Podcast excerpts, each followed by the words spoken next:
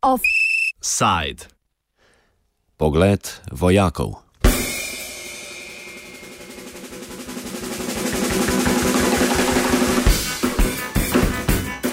Radio študent poziva k podpisu pobude za vložitev zahteve za razpis referenduma o zakonu o dopolnitvi zakona o obrambi. Rok za oddajo podpisov je jutri, zato tisti, ki se še niste podpisali, le brž na eno izmed lokacij, kjer se ti pobirajo. Tudi na Radio študent, sicer pa lahko vam bližjo lokacijo najdete na spletni strani protimilitarizaciji.wordpress.com.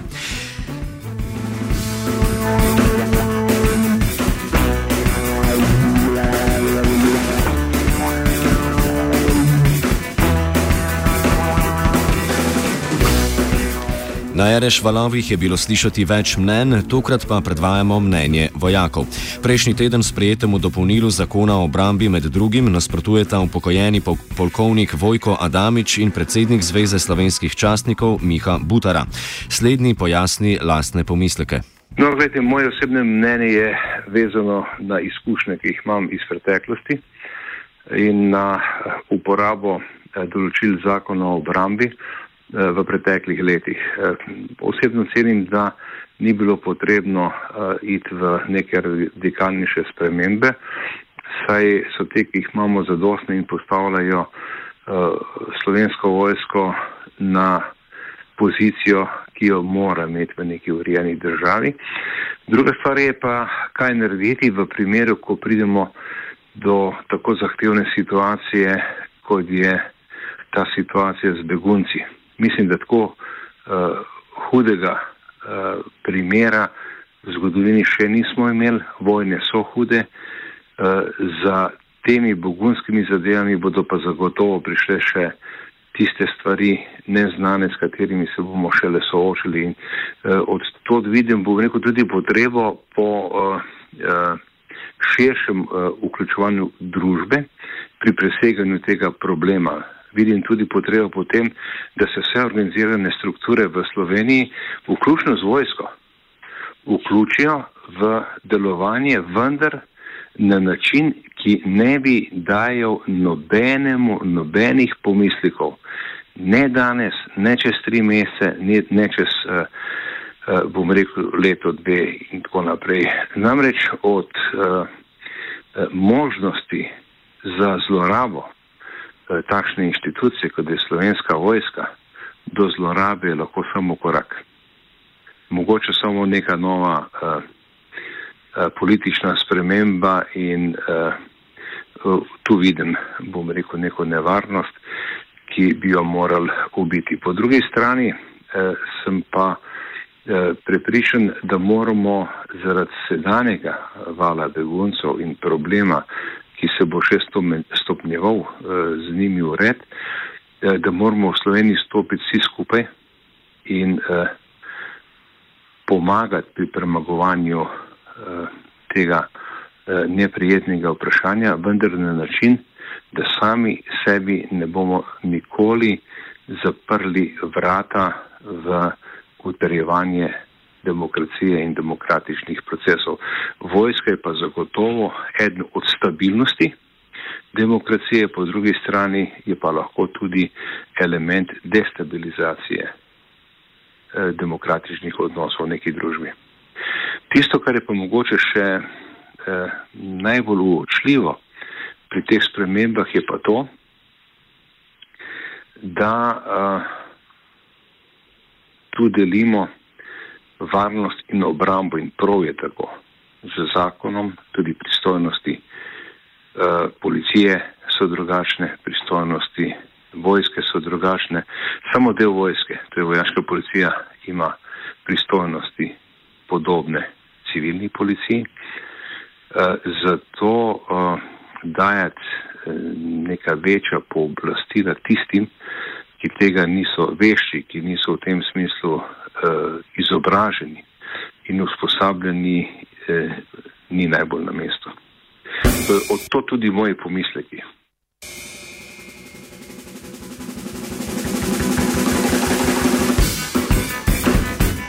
Vojko Adamič, upokojeni polkovnik, prav tako ne nasprotuje pomoči vojske na meji v konkretnem primeru, nasprotuje pa dopolnilu zakona, kot ga je sprejel celoten državni zbor z izjemo poslancev Združene levice. Adamič. Moje mnenje je tako, le, da uh, ko so se te zakoni pisali leta nazaj, seveda se niso pisali za take situacije. Zato uh, stara zakonodaja seveda ni predvidevala teh možnih zapletov. Uh, takšnih in drugačnih, v katerih bi vojska lahko bila angažirana in je predvidevala, pač, da se samo za znanje zadeve uporabljajo uh, vojska in vojaške zmožnosti. Ta stvar se je pokazala taka, da um, je vojska usposobljena za uh, obladovanje množic in za neke vrste policijsko delo, vendar seveda izključno za delo v tujini. Zdaj imamo situacijo, da pravzaprav ta tujina na nek način predstavljena v Slovenijo in jaz verjamem, da se je politiki pokazala potreba potem, da poleg policijskih sil angažira še sile, ki so usposobljene, pa to danes niso bile namenjene za notranje zadeve. In tako spreme pač nek zakon, ki, ali pa dopolnilo zakona, ki to na nek način omogoča. No, pri tem seveda naletimo na težavo.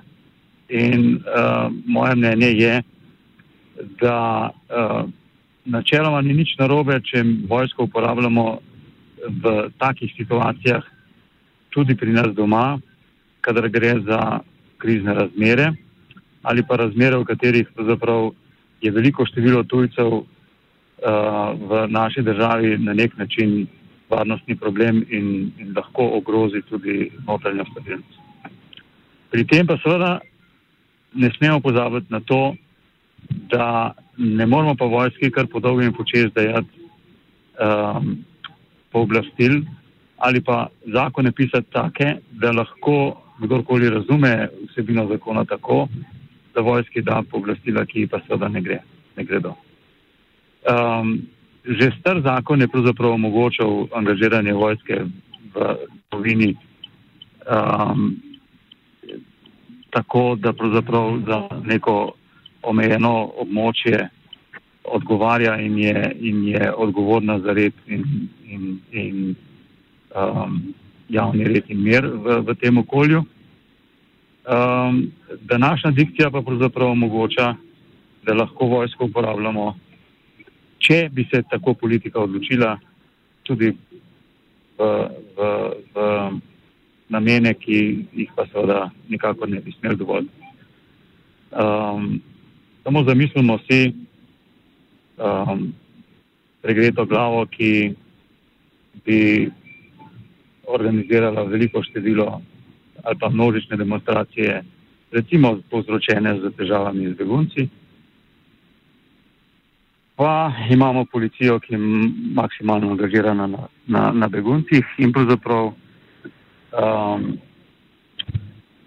ti ni tako težko potem v skladu s tem zakonom angažirati vojsko tam, kjer je pač mesto. Um, zato mislim, da bi bilo pametno, da se dikcija zakona še enkrat preveri in spremeni tako, da uh, se vojski pač ne more dajati tako um, ali pa ne more vsebovati zakon take, take dikcije, ki bi lahko na lahkoten način uporabljal vojsko za namene, ki, ki, pač, ki pač v demokratični družbi ne more ne pritiče.